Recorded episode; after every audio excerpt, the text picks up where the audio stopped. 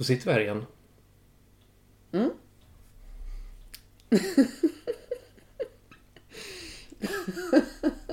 Spelar in nu? Mm. Jag såg en jättefin film. Mm. Jag har glömt bort igen vad den hette. Har du också glömt bort Ja, jag har glömt bort. Good, good luck Leo. Någonting. Ja, ah, just det. Som handlar om äldre kvinnors sexualitet. Hmm. Väldigt Med Emma fin. Thompson. Mm. Men det är inte därför vi är här idag. Nej. Ja, vi har ju redan faktiskt bestämt vad den här, det här avsnittet ska heta innan vi började. Det är första gången tror jag. Så kallad barnuppfostran. Eh, för den... Vi ville prata om så kallad barnuppfostran. Och vi tycker att ordet barnuppfostran, precis som många med oss, att det är lite konstigt, missvisande för det man gör när man hjälper till att forma ett barn. Um... Men vad, om, om du... Vad tänker du kring varför är det lite ett konstigt ord? för att det... Uh, upp, jag funderar nu på ordet upp, vad betyder uppfostra? Jag, jag vet inte exakt liksom den, någon slags ursprunglig betydelse men jag förknippar det med att man liksom som då vuxen ska se till att barnet blir en uh, bra person ungefär. Alltså, alltså det är någonting liksom att Det hade varit intressant att titta lite närmare på var det där själva ordet uppfostra kommer ifrån. Men, men jag förknippar det med med att jag som, som vuxen, till exempel förälder, ska in och liksom styra, styra barnet, forma barnet. Och, och att om man inte gör det så går det åt skogen. Alltså, det kanske egentligen inte ligger i, i ordets betydelse, men, men jag förknippar lite med det. Men alltså jag tänker ju mer att självklart så behövs vuxna som gör grejer och framförallt finns där.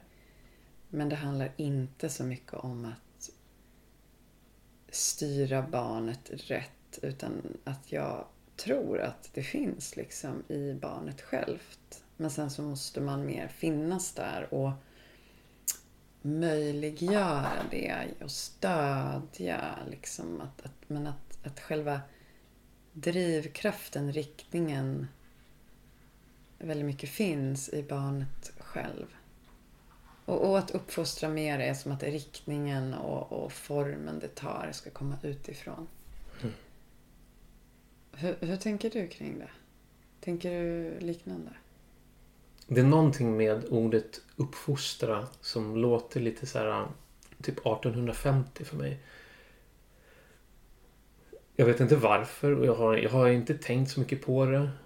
Men eh, det, det låter lite strängt. Eller så kanske det är 1950 som jag tänker. Men det är någonting med det som är... Man är, man är väl uppfostrad. Eller så har man fått en dålig uppfostran. Om man inte kan vara på ett sätt som någon förväntar sig. Mm. Och sen så har vi... Jag tänkte när du sa det här med vad ordet betyder. På engelska så heter det race. Och det låter ju mer som att man hjälper till med att resa upp någonting. Mm. Tänkte jag på. Men jag vet inte, vad är race? Raise a child. Raise... St- ja, det, man, man växer ju. Det, det är en annan metafor. Barnet växer eller en planta växer. Och så raise, då är det som att man, man hjälper till att re, få det att resa sig upp. Ja. Det är fint. Varför tycker du att det här ämnet är viktigt? Eller vad, vad är det som gjorde att du, du kände så, men det här, det här känns roligt att prata om? Ja, vad kan väl vara viktigare kanske än eh, hur man får barn? Ja, frågan är precis, vad, vad är målet då med den så kallade barnuppfostran? Jo, det är ju att eh, barn ska utvecklas och bli hela människor. Eh, och genom att vara en hel människa, tänker jag. Nu, nu tänker jag och samtidigt som jag pratar. Genom att bli en hel människa kommer man också att göra gott i världen. Alltså, man kommer också bli ganska lycklig. Eh, men också, tror jag, göra, eh, verka och bli en, en god medborgare i världen. Vilket jag tänker också är en, ett mål. Men finns det hela människor? Eh, det finns väl helare eller mindre hela. Så, att, så, så man kan väl tänka att målet är att hjälpa till att få barnet att utvecklas till en hel människa. I alla fall så hel det går. Jag tänker att försöka att få det så lite krockat som möjligt. Typ. Uh. Jag tänker lite grann på... Um, för min del så känns det som... Jag håller med om alltså, det du tänker. Sen samtidigt så känner jag att jag skulle nog kanske börja vara mogen att börja ta hand om ett barn om 5-10 år. Känns det som. Då känns det som att jag sa, men då skulle jag ha kläm på det. Att ha liksom hyfsad koll. Även om det finns mm. eh, till och från så känner jag så, ja men nu, nu funkar det. Eh, och sen så för mig så är det ganska mycket ett så här famlande. Att så här, okay, men hur ska jag göra den här situationen som de hela tiden växer och utvecklas. Mm. Och så, så möter jag nya situationer och det funkar inte att ha samma regler som var för ett halvår sedan för att nu är de lite äldre och, och jag har aldrig gjort det förut. Men får jag bara säga, när du säger, vad sa du om 5-10 år? Ja, då, alltså, men då bygger det på att du då har fått testa nu? Eller är det bara ja, det, tiden? Det, nej, nej, nej. Alltså, kanske både och. Mm. Men, men, det är väl... Jag tror ju testandet har varit Eller hur? Där. Det är väl det att man, så här, prototypen, liksom, man, mm. man börjar med en och sen kan man liksom ta sig an det. Eh, men nu är det inte så. Nu har vi men, valt att vara föräldrar. Tyck, så på vilket sätt har du inte varit en eh, bra förälder då? Jag tycker du är en bra förälder. Du är förälder till mina barn. Om någon har missat det. Mm. Eh, där jag känner att jag brister, men där jag, eh, där jag har fått eh, mycket... Mm, Eh, där, där, du har, har hjälpt mig att, att bli lite mer rund i kanterna är nog det här med kompromissande. Att jag, jag har nog varit ganska mycket en stubbe eller som ett stenblock och har tänkt att det, det är ett bra sätt. Och där, där känner jag väl att jag har lärt mig att ja, men det är ju väldigt bra att kompromissa och hitta lösningar och hitta vägar framåt som båda är med på. Um, när vi kommer i situationer där det är, kan bli en konflikt. Och att, att vi då hittar en, en väg framåt genom att jag ger med mig lite grann och, och sen så får barnet lite grann av det som den ville ha. Vilket jag ser är ju det smittar av sig. eller, eller det är som att barnet lär sig av, av det beteendet. Att det lär sig att kompromissa.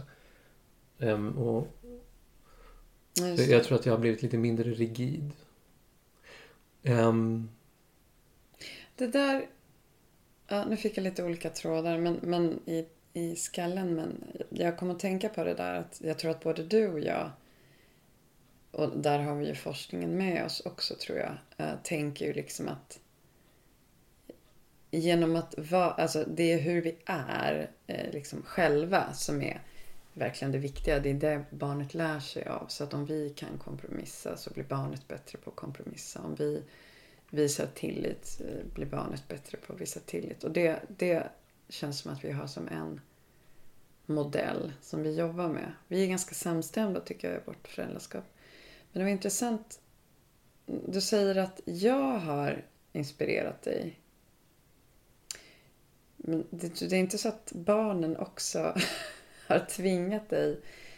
Jo, det, men det kanske var det. Jag läste ganska mycket så här NPF-diagnosböcker och sånt. Vi har ju ett barn med liksom det här med mm, lågaffektivt bemötande och sånt där.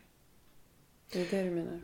Ja, och där, där, där är det, det tycker jag har varit en, en stor utmaning i att och samtidigt en en beundran skulle jag vilja säga.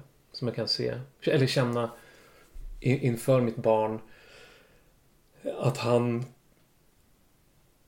eh, han gör inte som han blir tillsagd. um, och, uh, och, och, och, där har jag fått arbeta en hel del just med det lågaffektiva. Att det funkar inte att säga ännu hårdare eller med ännu mer ilska. För då är det bara, då accelererar bara en, en ond spiral. Mm. Um, så, och, och, det har, ja. Alltså föräldraskapet för mig har ju varit uh, Alltså från dag ett skulle jag säga. En, en livets tvättstuga. Där det manglas, tumlas, eh, torktumlas, blötläggs och allt sånt där. Men, men som ett exempel bara när graviditeten med första barnet var ju eh, ganska ansträngande på massa olika sätt. Och sen så när förlossningen väl eh, kom igång och vi åkte till BB Um, och när verkarna började sätta igång då var det ju det var massa gamla grejer i mig som började lossna i den situationen. Och, och jag, jag vet ju inte hur du upplevde det. Eh, men, men jag upplevde att, att jag var en del av förlossningen Eh, alltså jag, jag, jag satt inte bara och höll det i handen liksom, utan jag, jag eh, verkligen stod och hävde mig liksom, på ditt bäcken och tryckte på fotsulor och masserade sådär för att lindra verken. För du, du tog ju um, du tog ingen eh, bedövning med en lustgas då. Och för varje verk så kom det upp så mycket sorg. Och eh, det var som, alltså det var som en förlösning, en förlossning för mig också av gamla saker som i den situationen triggades och kom ut. Och um, när det hade pågått i ett dygn oavbrutet och, och när förlossningsläkarna säger så här Ja, det här kan dra ut lite grann på tiden. Och när jag har stått och hävt på ditt bäcken och alltså så här, jag var helt färdig. Jag var som en disktrasa. Jag var helt... Jag var, jag var en trasa alltså. Eh, då, då var det som att jag... Um, Eh, bara, och, uh, så då sa de så här, men du kanske ska sätta dig ner. Och bara så här, vila lite grann. Uh, och så gjorde jag det. Men, men, bara den situationen var på något vis bara så här. Den visade liksom, ja men så här kommer livet vara. Alltså det, det var ju väldigt fint också. Det känns som att det blir så mycket att jag bara pratar om det negativa och sånt där. Men, men det finns verkligen någonting så djupt positivt och konstruktivt i att vara i det här svåra. Och att, att delta i det helhjärtat. För sen när jag väl kom ut därifrån från BB och förlossningen, då var jag var ju liksom en ny människa på något vis. Mm. Um, och, och, det är väl hela tiden ett, ett utforskande i det här föräldraskapet. Att, att möta mina gamla grejer som barnen triggar. Ta hand om dem och göra fel. Att visa, okej, okay, jag gjorde fel. Och i det så blir det någonting bra också. Det, det, det är så... Det är jättesvårt och samtidigt så är det väldigt spännande och jag skulle inte vilja vara utan det en sekund. Nej. Um, men det, alltså det är fint med, med förlossningen som en symbol för eh, det här som, som är lite mer lågintensivt sen. Förlossningen är ju väldigt dramatisk liksom. Men eh, som en symbol för, för livets växande. Det, det gör ont liksom. Knoppar brister. Uh, och um, så är det även för ett barn och, och i hela den processen i en familj liksom. När det här växandet sker. Men, men jag tänkte jag, jag, jag har ju läst, en, jag kom ju på det nu att jag har, jag har, nu läser inte jag någon sån här föräldraskapslitteratur längre. Föräldraskap är ju ett, ett annat ord vi skulle kunna ha på ett annat namn på avsnittet. Men jag vet inte, jag säger eh, föräldraskap. Jag vill ändå att det ska vara fokus på det här, på barnet liksom. Hur, hur föräldraskap, då blir det mer, ja hur är det att vara förälder? Det blir mer fokus på, på föräldern tycker jag. Men, men jag har ju läst tidigare när barnen var små och innan de kom en del litteratur och jag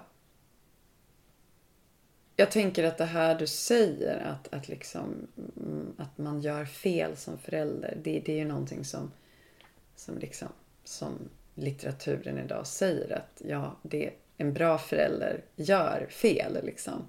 Och det är mer det här att då kunna mötas kring det med barnet och, och kanske säga att jag har gjort fel, be om ursäkt och, och igen då liksom att barnet då kan se att till och med pappa gör fel ibland. Det är alltså okej. Okay.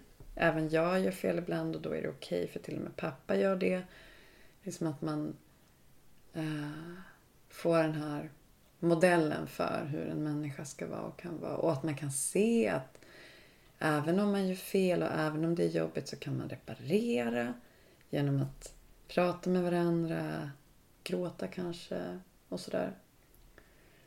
Men, men jag, jag blev väldigt eh, var, ex, var extremt inspirerad av Jesper Juhl som ganska sådär känd dansk eh, föräldra, för, föräldraskapsrådgivare. Han dog för några år sedan nu, för ett tag sedan.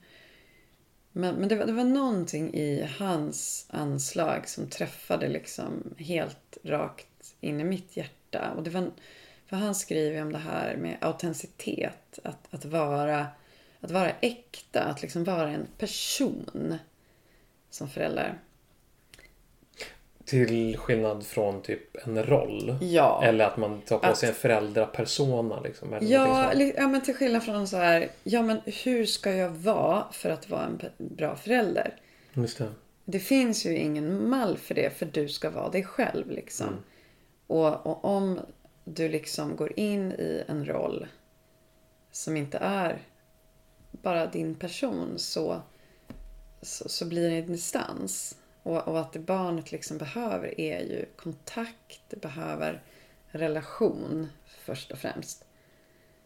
Och om du liksom aldrig gör fel, bara fel inom citationstecken, mm. du, du är någon slags perfekt idé om hur det goda föräldraskapet ska vara, då då blir det aldrig liksom någon kontaktvärme liksom. Mm. Och han pratar så fint eller skriver någonstans också om det här med ja, men ilska, att bli arga på varandra. Det kan ju också vara en del av den här kontakten. Att det blir liksom friktion, det blir värme. Och jag, det tror jag väldigt mycket på.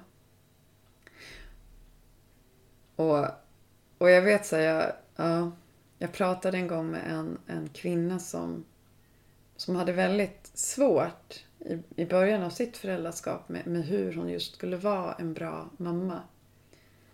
Och, och hur det var i sån här, det här dilemmat att så ja, men jag, jag har ju läst liksom att man ska inte vara perfekt. Man, man ska vara sig själv. Och jag, om jag liksom hela tiden gör rätt och är perfekt, då är jag inte en bra förälder. Men, men jag kan ju liksom inte tänka att åh, nu ska jag gå och vara lite operfekt Jo, poängen är ju liksom att man ska inte hela tiden tänka att nu gör jag det här så att det ska bli bra för mitt barn.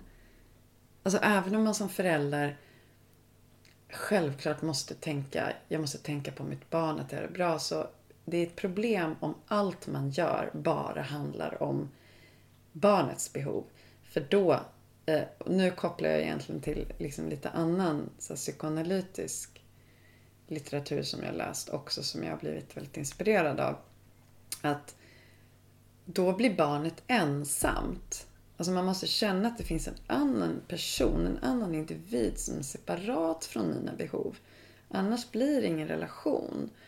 Om mamma hela tiden bara liksom gör allt jag ber henne om och hela hennes liv kretsar kring mina behov då, ja, då, då försvinner mamma nästan. Mm. Ja, Och, det- då, det är och, och då, då skapas kanske ett barn som kommer att leta efter den här symbiosen sen då. Hos någon, någon annan. Eller alltså att, att på något vis hitta. Ja, alltså jag det, menar? det, Det var inte helt tydligt hur jag menar. Men, men det här Mm. alltså. det är ju det, det är ju den kontakten barnet känner till. Mm, Som är den här icke-separationen liksom. Men separa- det, här är intressant att höra dina tankar kring psykoanalys och sånt. Men, men alltså, vi måste ju, när barnet blir lite äldre så måste man ju separera från eh, föräldern samtidigt som att man då upprätthåller en relation på något sätt, men som olika individer. mm, Och då, det finns en eh, feministisk psykoanalytiker som heter Jessica Benjamin, amerikansk, som är fantastisk. Och hon pratar just om det här och hon är inte helt ensam. Men att men mamman, eller modern då, som oftast är den här liksom primära, första, när, närmaste vårdgivaren, måste liksom vara eget subjekt för, för att och kunna liksom sätta den här tydliga gränsen. Att nu behöver jag göra det här. Så jag- emanerar inte från dina behov liksom. För att annars, annars är det som att modern inte finns och, och kan vara där som en trygghet. mm. Typ så. Men du, vi har ju inte pratat så mycket. Sen du började mm, grotta in dig i jungiansk psykoanalys. Vi har inte pratat egentligen så mycket om barn, föräldrar, relationer så mycket. Utifrån det, har det gett dig nya tankar? Vi har inte, jag tror att det ska komma snart. ehm, där man går in mer på barnets utveckling och trauman i barndomen. I din utbildning? Utbildningen. Men det är inte någonting som är helt nytt eftersom jag har utbildat mig till lärare och, varit, eh, och läst mycket annat också. Just det här med mm,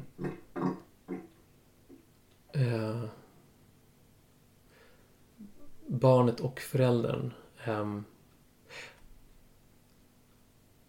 barnet kommer med sin person, tänker jag.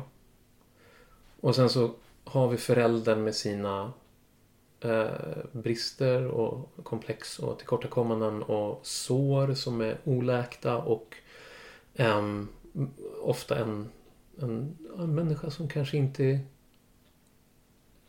är färdig med sig själv, vilket ingen blir typ. Men jag tror att, eh, eller det jag har sett och min erfarenhet är att de känslor som den vuxna inte har fått uppleva, ska jag säga. Att få bli sedd i. De känslor kan den vuxna, eller har väldigt svårt för att kunna se och bekräfta hos barnet. Mm. Därför att det, jag, jag tror att ehm, ja, men jag, jag pratade om det förut. Sorg till exempel är en, en sån känsla som a- att förluster kan ske på så många olika sätt förutom att bara att någon nära dör. En mormor eller morfar. Till exempel, eller en förälder i värsta fall. Det är ju liksom en tydlig sån, men där, där finns en sorg. Men jag tror att ganska ofta så vet vi inte hur vi ska hantera den sorgen ens. Men sen finns det ju andra förluster som kan vara att man bara flyttar. Och, och, och sånt kan ju skapa känslor som inte har fått komma upp och ut. Och de känslorna blir en, och det här, det här är liksom utifrån min egen erfarenhet, de blir drivkraft för beteenden ehm, som antingen kan fortsätta hålla dem nedtryckta, hålla dem i schack, därför att det fanns ingen vuxen som bara var där och sa okej, okej, jag ser att du är ledsen, jag ser att det här är väldigt jobbigt för dig, att vi flyttade. Det här det är, liksom, det är en stor omställning för dig och du, du får vara ledsen. Jag är här med dig. Det, det, finns, det finns rum för dig att få vara här och du får vara ledsen, du får gråta. Och om det inte finns, om föräldern inte har fått med sig det själv så är det ju svårt för föräldern att kanske hantera det hos barnet och att man skapar olika mönster för hur man ska hantera den här situationen. Mm. Att, att uh, man köper en pryl eller man köper godis eller man sätter barnet framför TVn. Och sen samtidigt så är det en balansgång också. Tänker jag att i vissa fall så behöver vi göra faktiskt, ja men vi köper lite godis. Mm. alltså det, det är väl någonting N som föräldrar... När de har gråtit i en halvtimme, då ja, räcker det.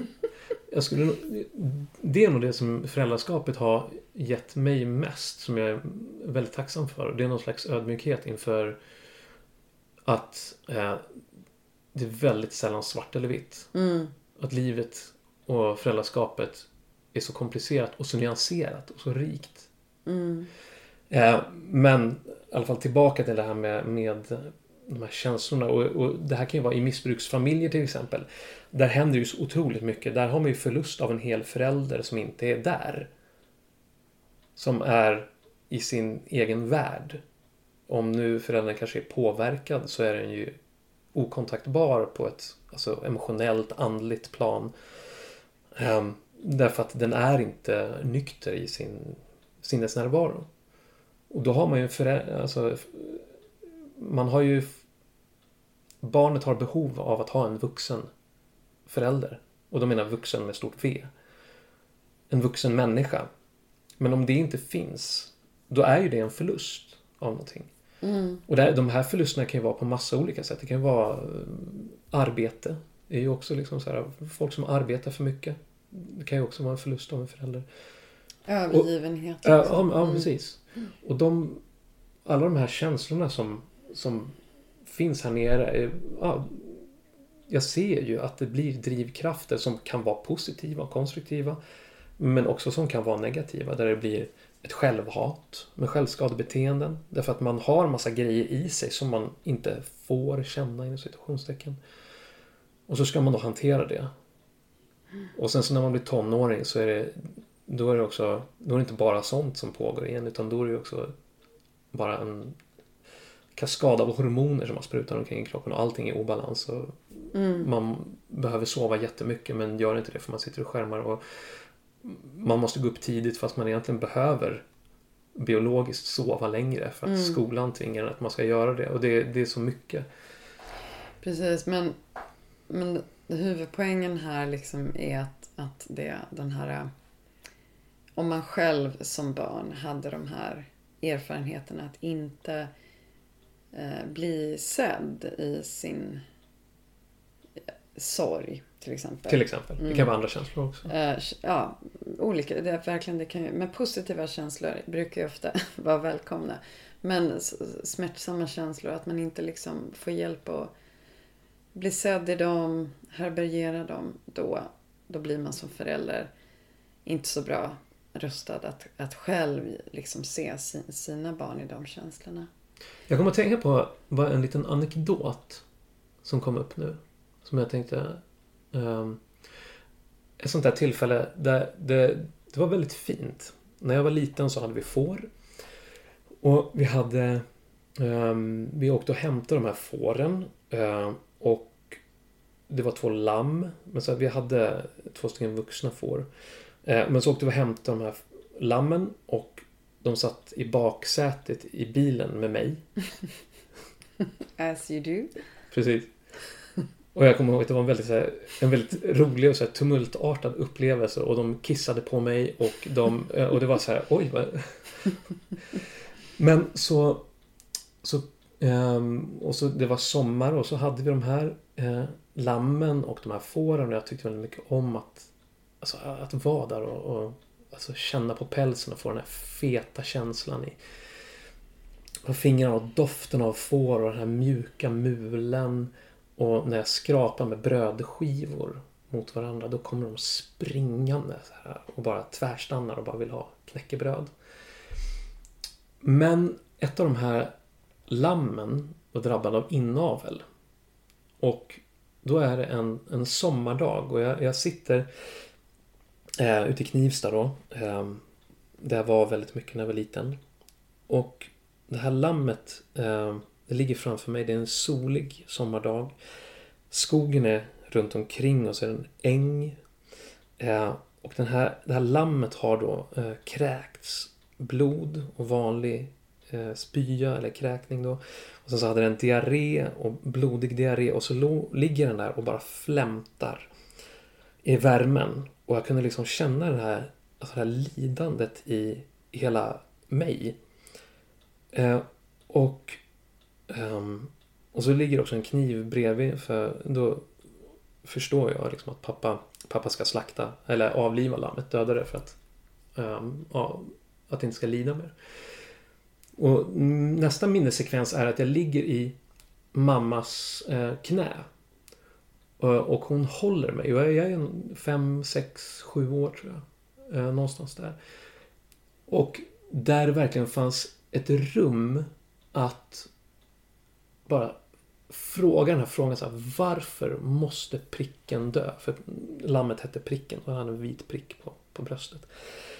Och den här sorgen som bara väller upp och, och, och, det, och det fanns plats för det. Och jag tror att det har gett mig en, en väldigt eh, en, en bra i alla fall i relation till eh, förlust av människor, vilket har blivit några stycken under åren. Att, att det gav mig en, ett rum för sorg när, när det har skett ett dödsfall. För att hon, hon höll mig. Det, mm. fanns, det fanns liksom någon som höll mig och var där och var vuxen. Liksom. Och det var okej att du var Ja, ledsen. precis. precis. Här, nu ska du inte gråta lilla pojke. Nej, verkligen. Det. verkligen. Nej. det, var, det var det här. Och, och, mm, jag tänker, där, där lyckades hon. Hon fick till det där. Alltså där har ju, om man tänker inspiration så har ju du inspirerat mig mycket i det att även om jag, jag känner mig också helt in tune med den hållningen så har du nog liksom hjälpt mig och visat mig vägen mycket i det här. Just, just att skapa utrymme för barnen att få vara ledsna och arga och sådana jobbiga andra känslor också. Men, men, men på något sätt att vi, vi har ju barn som verkligen är ledsna ganska ofta. Så, så vi, vi verkar ju ha gjort rätt där i att de känner att det finns ett rum att vara det.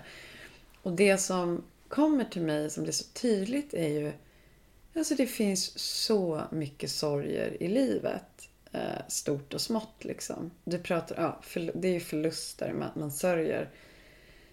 Men eh, du pratade liksom om när man är barn att man kan känna att man förlorar sin förälder. Eller, men men det, det kan ju vara bara nu blev det inte sådär som jag hade hoppats den här dagen. Och så gråter man i 20 minuter av o, outgrundlig smärta och sorg.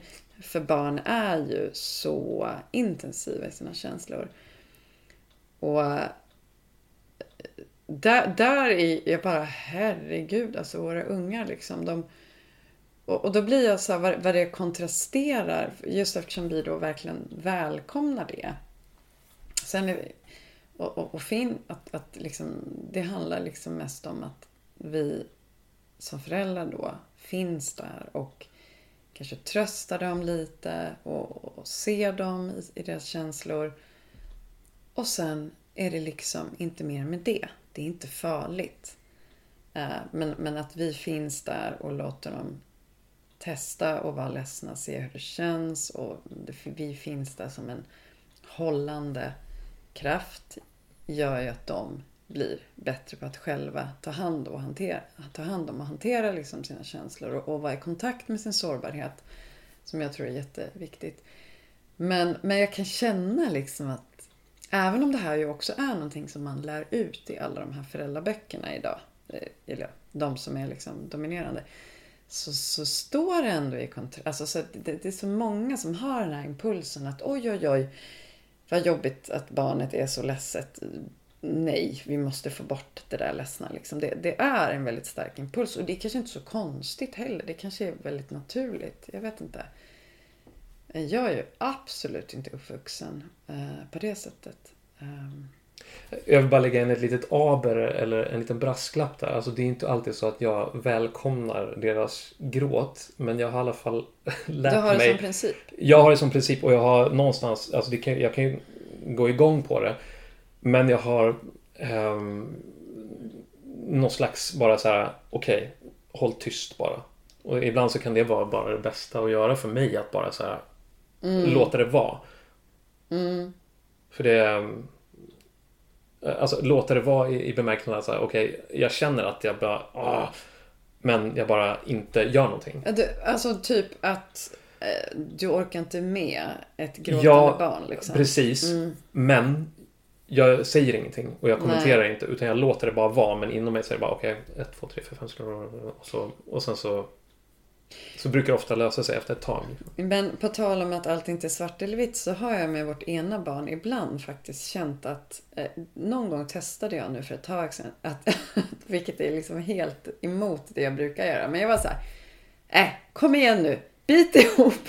för, för där kände jag lite att han kan behöva hjälp i att inte hela tiden falla in i det där hjälplösa gråttillståndet också. Alltså att jag var lite så här, nej men nu, nu ta det, försök att ta dig samman liksom. Att jag, för för det kan man, man kan ju också fastna i det som ett mode liksom. Så verkligen det här att det inte är svartvitt. Jag tänker, vad, vad skulle du säga är det viktigaste? Jag vet att jag hatar sådana här frågor. Så, rangordna från de fem bästa. Nej, men eh, det viktigaste, alltså så här, som förälder, vad, vad, tänker, vad tänker du är det viktigaste? Eller de viktigaste dragen eller de viktigaste egenskaperna som, att vara, i att vara en förälder? Eh, jag skulle nog säga att man känner sig själv inklusive, ja, och att man då känner även sina mörka sidor, eller vad vi ska kalla det, sina tillkortakommanden och sårbarheter och gärna då man måste ju inte gå i terapi nödvändigtvis men ofta så många behöver ju det för att liksom så, så att liksom det här att att vara medveten om hur jag med alla mina positiva och negativa sidor vad jag har för effekt på barnet och på något sätt kunna parera det. Liksom. Nå- Något sånt kanske. Mm. Du då? Jag tänker att det blir utifrån jag tror, jag tror inte jag kan säga vad som är det viktigaste att vara en förälder kanske för någon annan. För jag tror att det blir ganska utifrån ens person. Men och det kanske Du, finns... gill, du gillar inte de här universella riktlinjerna. det gillar jag. Fast det, jo, men det kanske, det kanske finns någonting. Jo, det finns en grej som jag tänker på och det skrev jag i min C-uppsats. Och det är att barnet vill ha en ledare. Den behöver ha en flockledare. Alltså jag jobbar ju med barn också. Eller ungdomar. Och det, det är i deras natur att ha en ledare. Det betyder att jag har en makt över dem. Och att jag kan utöva den makten på ett konstruktivt eller icke-konstruktivt sätt. Och att, att jag går in i rollen som att vara, jag är er ledare. Mm. Det, det är jag som bestämmer här. Du får jättegärna komma med, med liksom tankar eller önskemål. Men det är jag som bestämmer. Um, och det är jag som har ansvaret här. Och jag, jag, jag upplever att med våra barn så, så känns det som att det, nu var ju du borta några dagar här. Och att det blir en trygghet. Vi var och köpte glass igår. Och då hade jag um, då hade jag liksom bestämt i förväg i mig själv. Jag hade tagit beslutet i mig själv att det kommer bli en glasskula, inget mer. Och även om det blir diskussion så kommer jag hålla fast vid mitt beslut. För att jag har goda anledningar till det. Jag har, jag har liksom hittat varför jag gör så här. Och det kan ju vara massa andra situationer också. Eller det är massa andra situationer också. Och det, det känner jag så här, men då, då, är det, då har jag ledningen. Och jag bestämmer. Men jag försöker göra det på ett sätt som är bra för dem. Jag gör det för dem, inte för att de ska eh, tycka om mig som en ledare eller för att... Utan det, det är någon slags tjänande fast i ett maktutövande. Mm. Typ så. Det tänker jag nog är det viktigaste. Och sen, det, det skulle jag nog säga är någon slags universell princip. Där där ett maktutövande med hjälp av ilska handlar om att vara auktoritär. Och att de ska följa mig eh, med hjälp av deras rädsla för mig. Mm. Medan när jag är i mig själv och är tydlig, kommunicerar, då är jag en auktoritet. Och då tilltalar jag liksom deras naturgivna eh, eh, behov av en ledare. Eh, Eller eh, någon som bestämmer, alltså den här tryggheten. Ja, men det är den där personen som, som jag följer. Det är som att det finns i deras väsen. Och det, men det bygger väl också på att du... Ett, ett öm, ömsesidig respekt och förtroende. Att jag tänker, bygger inte den, när man har en auktoritet, på att du också... Du visar dem respekt. Liksom. Mm, jag tänker det. Mm. Jag tänker det är jätteviktigt. Mm. Och kanske också det här är en, ett intresse för dem som person. Mm. Eh, Att bara, du bara, men bara för att jag... Tycker om dem. Ja, kanske. verkligen. Mm. Mm. Och nu pratar jag inte om mina egna barn utan också om, om barn som jag jobbar med eller ungdomar Mm. som jag jobbar med. Så kallade elever. Mm. Eh, alltså det, det är där det börjar med, med, med relationen. Och, och det är ju alltså det är ett jätteansvar att vara förälder. Mm. Alltså här får jag liksom plopp. En liten astronaut som har kommit ner här och så bara ska Ska jag ta hand om det här? Men det är också, för mig har det också varit väldigt skönt att på något sätt, ja, jag är superviktig som förälder. Men, ah, de har någonting i sig själva också. Som, de tål lite grann. De är inte som sköra så här, violer som, som... Så stor makt har jag inte liksom. Mm. Det, det är ganska skönt. Men, men jag... Oh, vad var det? Vad var det du pratade om? Jag ville säga någonting. Jo, jo, en sak som jag känner att jag har utvecklat lite mer senaste, senaste tiden, senaste åren. Det kanske också har att göra med att barnen är äldre, våra barn. Att det här liksom att jag, jag har ibland Jo, men jag, jag har nog tidigare kanske tänkt lite som nollsummespel när det finns en konflikt. Eller liksom så här, åh, jag vill, jag och barnet vill inte samma sak. Alltså hur mycket, hur stor del av föräldraskapet handlar inte just om det här att det finns en massa små konflikter mellan vad jag vill och vad barnet vill. Det, det är väldigt mycket det det Mm. kokar ner till. Liksom. Hur hanterar man det? Och det är en slags magi tycker jag i att hitta, och det här gäller ju relationer med, mellan vuxna också egentligen, men att hitta det här att bara vi sätter oss ner, jag kan lyssna in barnet. Det betyder inte att, det kommer, att jag ska göra precis det barnet vill.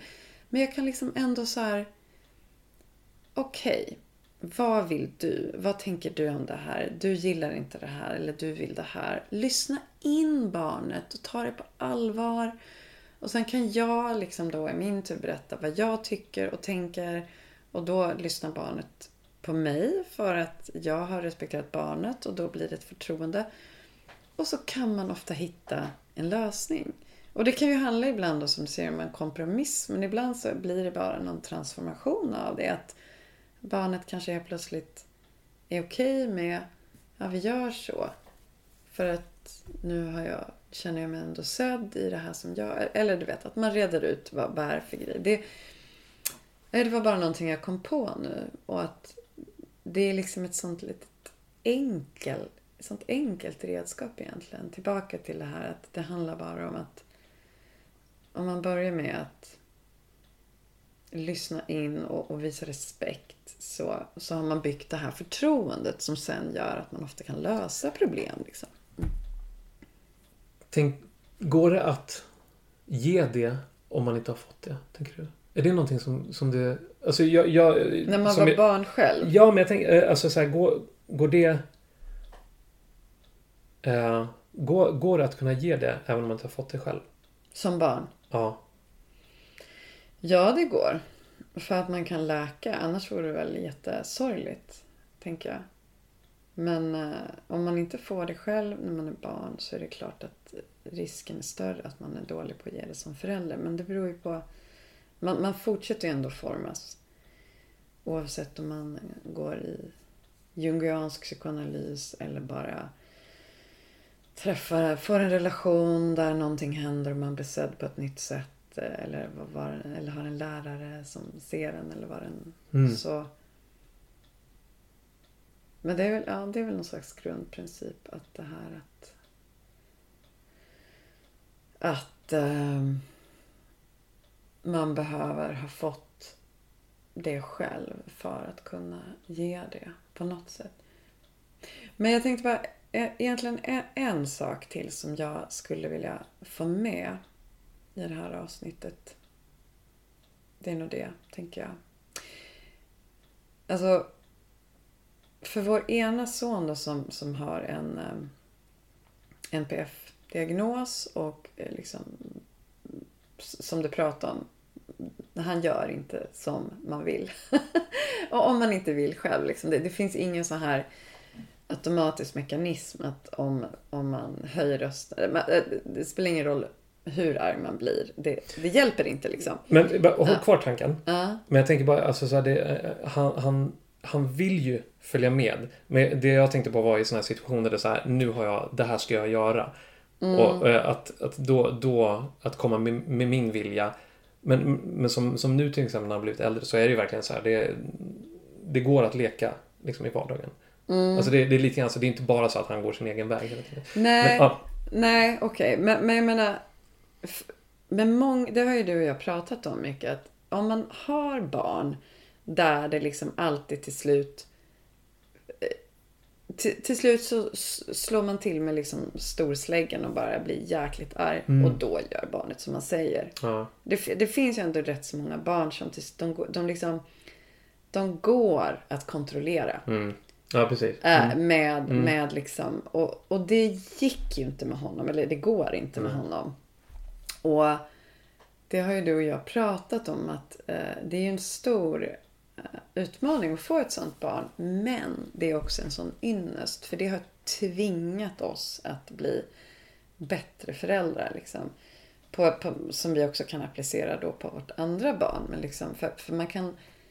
Det, vi har liksom varit tvungna att hitta andra vägar att lösa konflikter och problem än genom att bara...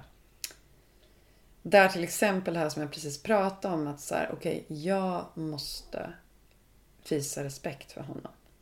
Jag måste, jag, jag måste ta honom på allvar. Hur dumma, galna grejer han än- gör när han agerar ut så finns det och och det, har- just det, det, det har så ofta varit så tydligt att det finns, han har någonting där bakom som det ligger någonting i som jag måste lyssna på. För så är det alltid. Om man liksom gräver lite bakom den här galna reaktionen så finns det något sunt, något behov där som jag behöver lyssna på. Det där tänker jag är, Ja. alltså den där grejen tänker jag är, jag kan inte säga att det är, det är så för alla, men, men Jung pratar ju om det och han hade ju ett förhållningssätt till schizofreni till exempel, där han verkligen han lyssnade på dem och försökte förstå liksom symptomen, var de kom ifrån. Och jag pratade med en kursare till mig på, på psykoanalytikerutbildningen som, som jobbar som läkare och vi pratade om just det här med schizofreni till exempel. Eh, och, och det här med att eh, nu har man, man använder läkemedel och man pratar om symptom. Och någonting som jag tyckte var väldigt fint hos honom det var att han hade med sig också det här med att han, han lyssnade på och, och liksom försökte ha med sig symptomen. Alltså vad, vad är det vad säger symptomen för någonting? För det vi kan tycka som vi som är normala inom situationstecken och sen så mm, möter man någon som har, lider av psykisk ohälsa. Och, och jag har med mig det själv också. Att jag tänker så här, men det finns någonting där. Det finns en anledning till att någonting tar sig det här uttrycket. Ehm, och, och det här det är också ett jättebra exempel. Och, och vi pratade, jag och, och min, min kamrat då, vi pratade om att bara det här att faktiskt, alltså jag sa det till honom, jag tycker att det är så fint att han har den approachen just för att bara att det finns någon som tar den här personen på allvar. Att det finns ett läkande där. Att den blir lyssnad på. Även, även om man kanske inte förstår det. Men ändå att, att ha den här, alltså, okej men vad är det här för någonting? Vem, vem är du? Mm. Alltså, ja det där.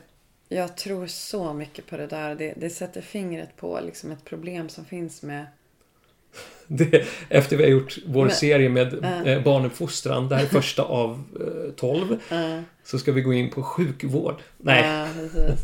Nej, men alltså det sätter fingret på alltså, problemet med medikalisering av, av psykisk ohälsa. Alltså absolut, mediciner och grejer kan vara väldigt bra att ha. Men just att man ser det liksom, att man inte ser det här liksom sjukan inom citationstecken, symptomet, uttrycket då. Eh, som någonting annat än, ja men det är bara någonting lite random som han gör för att han är schizofren. Att det, det är klart att det alltid finns något meningsfullt där bakom liksom. Hur förvridet och... Och så tänker jag, så, så, det tänker jag också är en superviktig princip med, med barn. Att man alltid... Ja, det vill jag också få med. att så här, en unge som beter sig jättejobbigt och problematiskt och sådär. Och det vet ju du som lärare också, tänker jag. Ja, men hur, hur förhåller man sig till det? Det är väl liksom verkligen så här barnuppfostringsfrågan nummer ett. Uh, är det genom att disciplinera, skälla ut, skrämma? Nej, det vet vi ju nu för tiden att det inte är. Men vad är då alternativet liksom? Och då tänker jag väl att, att, att börja med att bara i sig själv tänka att det finns nog en bra anledning till att barnet gör så här. Och den, i grunden så är det, det här barnet är snällt, fint, gott liksom. Istället för att liksom se barnet bara som, som det där jobbiga beteendet. Ah, det tror jag verkligen är så viktigt. Mm. Vi kommer ihåg när vi åkte hem från, från Skövde. Då lyssnade vi på, på det här programmet av eh, Randi Mossi eh, Norheim. Mm, om Vipeholm Om Vipeholmsanstalten där man då placerade barn, och vuxna. barn och vuxna. Och där man gjorde det här eh, kola, Vipeholms kola-experimentet. Som liksom blev eh, banbrytande för karies förståelsen. Ja. Och där man då placerade in barn som kanske var 10-11 år. Och som jag förstod det så var det, eh, det var ett barn, det här- det här finns på eh, Sveriges Radio, man kan lyssna på, det var väldigt intressant. Men, men som ja, ger... Alltså det var typ så utvecklingsstörda personer. Ja fast det var ju också, det var ju, det var ju ett barn som bara var blind. Eller Ah, bara, okay. citationstecken, men, men bara blind. Som placerades där. Och, ehm, och som innan var alltså ett barn som verkade må bra. Men det fanns ju vissa tabun. Och jag, jag vet inte exakt varför han placerades där. Jag kommer inte ihåg det. Men helt plötsligt så började han utveckla beteenden som att han var bråkig. Han Mm. var det där och han var det där och det där. Och det finns liksom inte ens en tanke på att det kanske är miljön som Mm. han placeras i som skapar den här... Alltså så här, barnet kommer ju med någon slags... Bara petar i den vuxna. Bara så här, det är deras sätt att kommunicera på något vis. Mm. Och, och, eh, och jag tänker att det, det är samma sak där med, med, med egentligen alla barn. Mm. Att det finns någonting där bakom. Men vi har den här, eh, den här objektiva ehm, vad säger man, föreställningen. Vi har, alltså, han är på det sättet. Eller hon är på det sättet. Eller hen är på det sättet. Men egentligen så handlar det om hur jag är. Och vilken miljö jag skapar. Vilket rum jag skapar för det här barnet. Och det, och det som jag älskar med, jag tror Jesper Juhl är inne på det spåret och även då i den här lågaffektivt bemötande traditionen. De som, som ju är väldigt sådär, tror jag, evidensbaserat och alla håller ju på med det nu för tiden. Det är ju det här, det är du som är vuxen.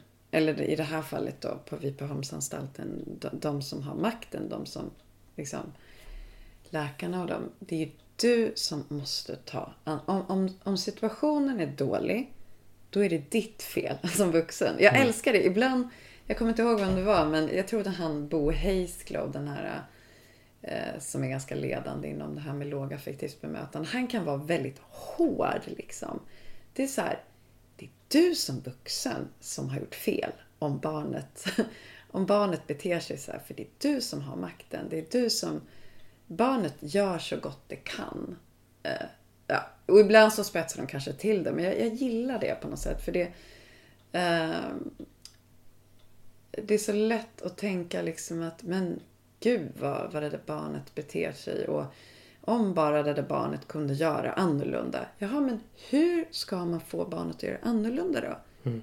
Det är ju jag som kan göra en förändring här som vuxen. För det är jag som på något sätt har den liksom, kunskapen, makten, förmågan. Barnet gör bara så gott det kan inom med de förutsättningar som finns. Det, det tycker jag är ett sånt fint, fint, fint perspektiv. Och jag tror på det verkligen, att det är det som funkar. Mm. Okej, bara en sak till. Jag har mycket tankar om det här. Men det är inte så konstigt. Det är en så stor del av mitt liv. Liksom. Vi har ju lite roligt eh, nu med våra ungar. Kanske framförallt en. Att det är väldigt mycket så här. Eller ja, men det är båda egentligen. Alltså nu. De börjar, de är kring tioårsåldern kan vi säga. Och eh, det hålls på väldigt mycket med lite så OPK-grejer. Alltså ej politiskt korrekta saker. Uh, och ibland kan det ju vara lite så här skämtsamt tydligt. Framförallt med den äldre. Där kan man liksom se att han, han skämtar och han, han liksom leker med det. Men, men, men med den yngre så kan det vara mer man, man märker ju liksom att eh, han vill gå över, han vill göra förbjudna saker. Och så vet han de här politiskt inkorrekta sakerna som han säger. Och där, där är ju liksom, ibland så har jag ju, om det skulle komma någon utifrån in i vår familj som var väldigt liksom inne i de här eh, politiskt korrekta grejerna. Och jag menar, jag är ju själv liksom, jag är politiskt korrekt, skulle Jimmy Åkesson tycka. Men um, jag, ska, jag, ska, inte gå in här på några exempel för det kan vara för känsligt. Men alltså, om någon skulle komma utifrån och höra det mina barn säger och att jag då inte ger dem en sån här förbannad uppläxning. Så får du absolut inte säga. Och så, så här, då, det, skulle känna, det känns lite så jobbigt. Då skulle jag nog känna att jag skulle behöva liksom bli jättearg eller någonting om mitt barn skulle säga något sånt där väldigt OPK. Men jag, mär, jag, jag, jag kan absolut sätta gränser och, och prata med dem sådär. Men jag kan ju också se att, ja okej, okay, här är det någonting bara med det här med att det är förbjudet.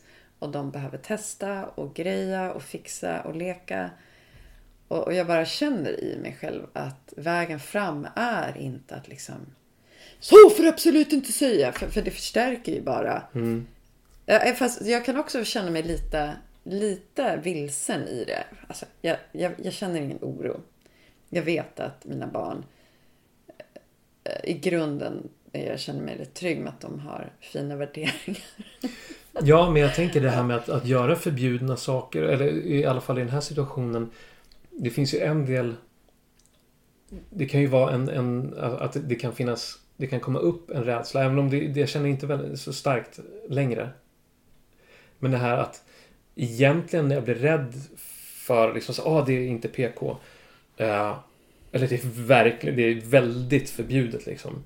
Uh, och att jag skulle då sätta en gräns egentligen inte för att uh, för hans skull. Utan jag är egentligen rädd för vad någon, någon annan ska tycka.